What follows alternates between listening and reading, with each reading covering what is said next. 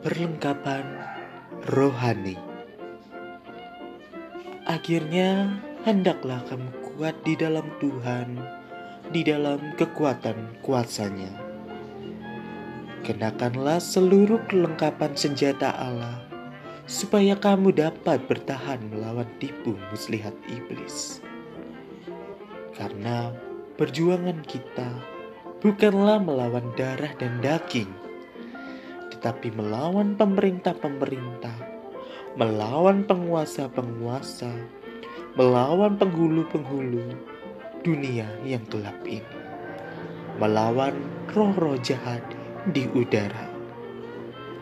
Sebab itu, ambillah seluruh perlengkapan senjata Allah supaya kamu dapat mengadakan perlawanan pada hari yang jahat itu dan tetap berdiri sesudah kamu menyelesaikan segala sesuatu.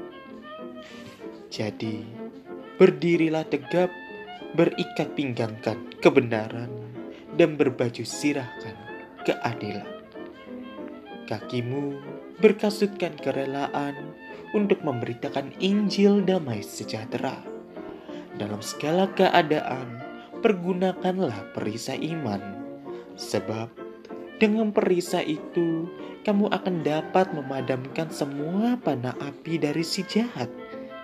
Dan terimalah ketopong keselamatan dan pedang roh, yaitu firman Allah. Dalam segala doa dan permohonan, berdoalah setiap waktu di dalam roh dan berjaga-jagalah di dalam doamu itu. Dengan permohonan yang tak putus-putusnya untuk segala orang kudus.